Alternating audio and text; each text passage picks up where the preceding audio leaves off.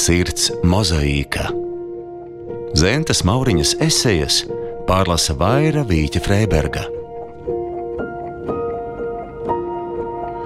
Darbs neļauj ieurpties sāpēs. Darbs ir laika iznīcinātājs, kas ciešanās šķiet apstājies. Darbs kā mazs zvēriņš aprī laiku. Jo intensīvāk strādājam, jo ātrāk aizrit laiks, mūs aiznesam savā plūdumā.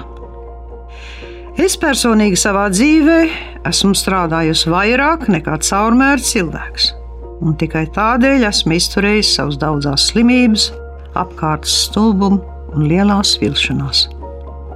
Vēl man vienmēr brīnina, ka Dievs no paradīzes dārza izraidītiem pirmiem cilvēkiem nav teicis, tikai strādājot, jūs spēsiet panest dzīves krustu.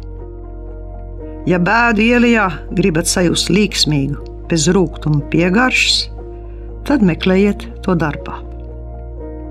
Varbūt Dievs to arī zinājis, bet tikai nepateicis. Jo vai citādi viņš būtu radījis sešas darba dienas un tikai vienu svētdienu.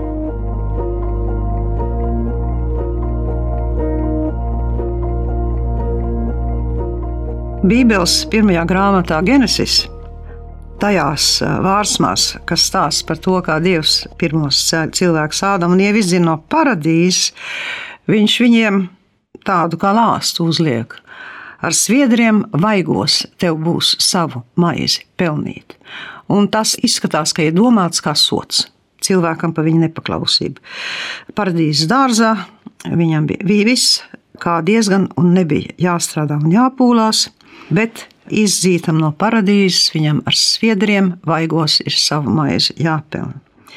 Taču Zenta Mauriņa cenšas teikt, ka darbu nevajag uzskatīt par sodu, kā dieva uzliktu lāstu vai ļaunumu, bet ka darbam ir arī sava ļoti pozitīvā puse.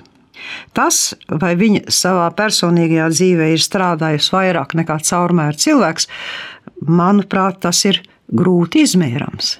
Ir ļoti daudz ļaužu, kas strādā tiešām ļoti, ļoti smagi. Gan eh, sakarā to, ka viņiem ir fiziski smags darbs, Un sievietēm bieži mājās pārnākot, ja vēl viņai pieci bērni ir apkopjami un pabrojami, un nav kas viņai daudz palīdz. Es domāju, varbūt ļoti, ļoti smagi. Bet ir skaidrs, ka slimību viņai bijuši daudz, vilšanās daudz, un par apkārtnes stulbumu, kas izklausās diezgan skarbi teikts. Jāatzīst, ka viņai, kā bēglē ierodoties Zviedrijā, neizklausās ticam, bet tā šķiet, ka ir bijis turienes latviešu bēgļi starp latviešu inteliģenci viens otru nosūdzēja iestādēm. Un tajā ziņā nu, lika šķēršļus priekšā viens otram, lai varētu iegūt labāk apmaksātu darbu.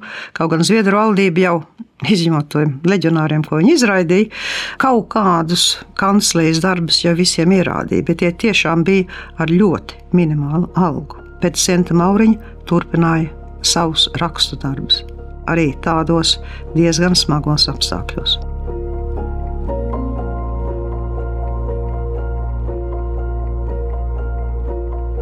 Zentas Mauriņas esejas pārlasa Vaira Vīķa Freiberga.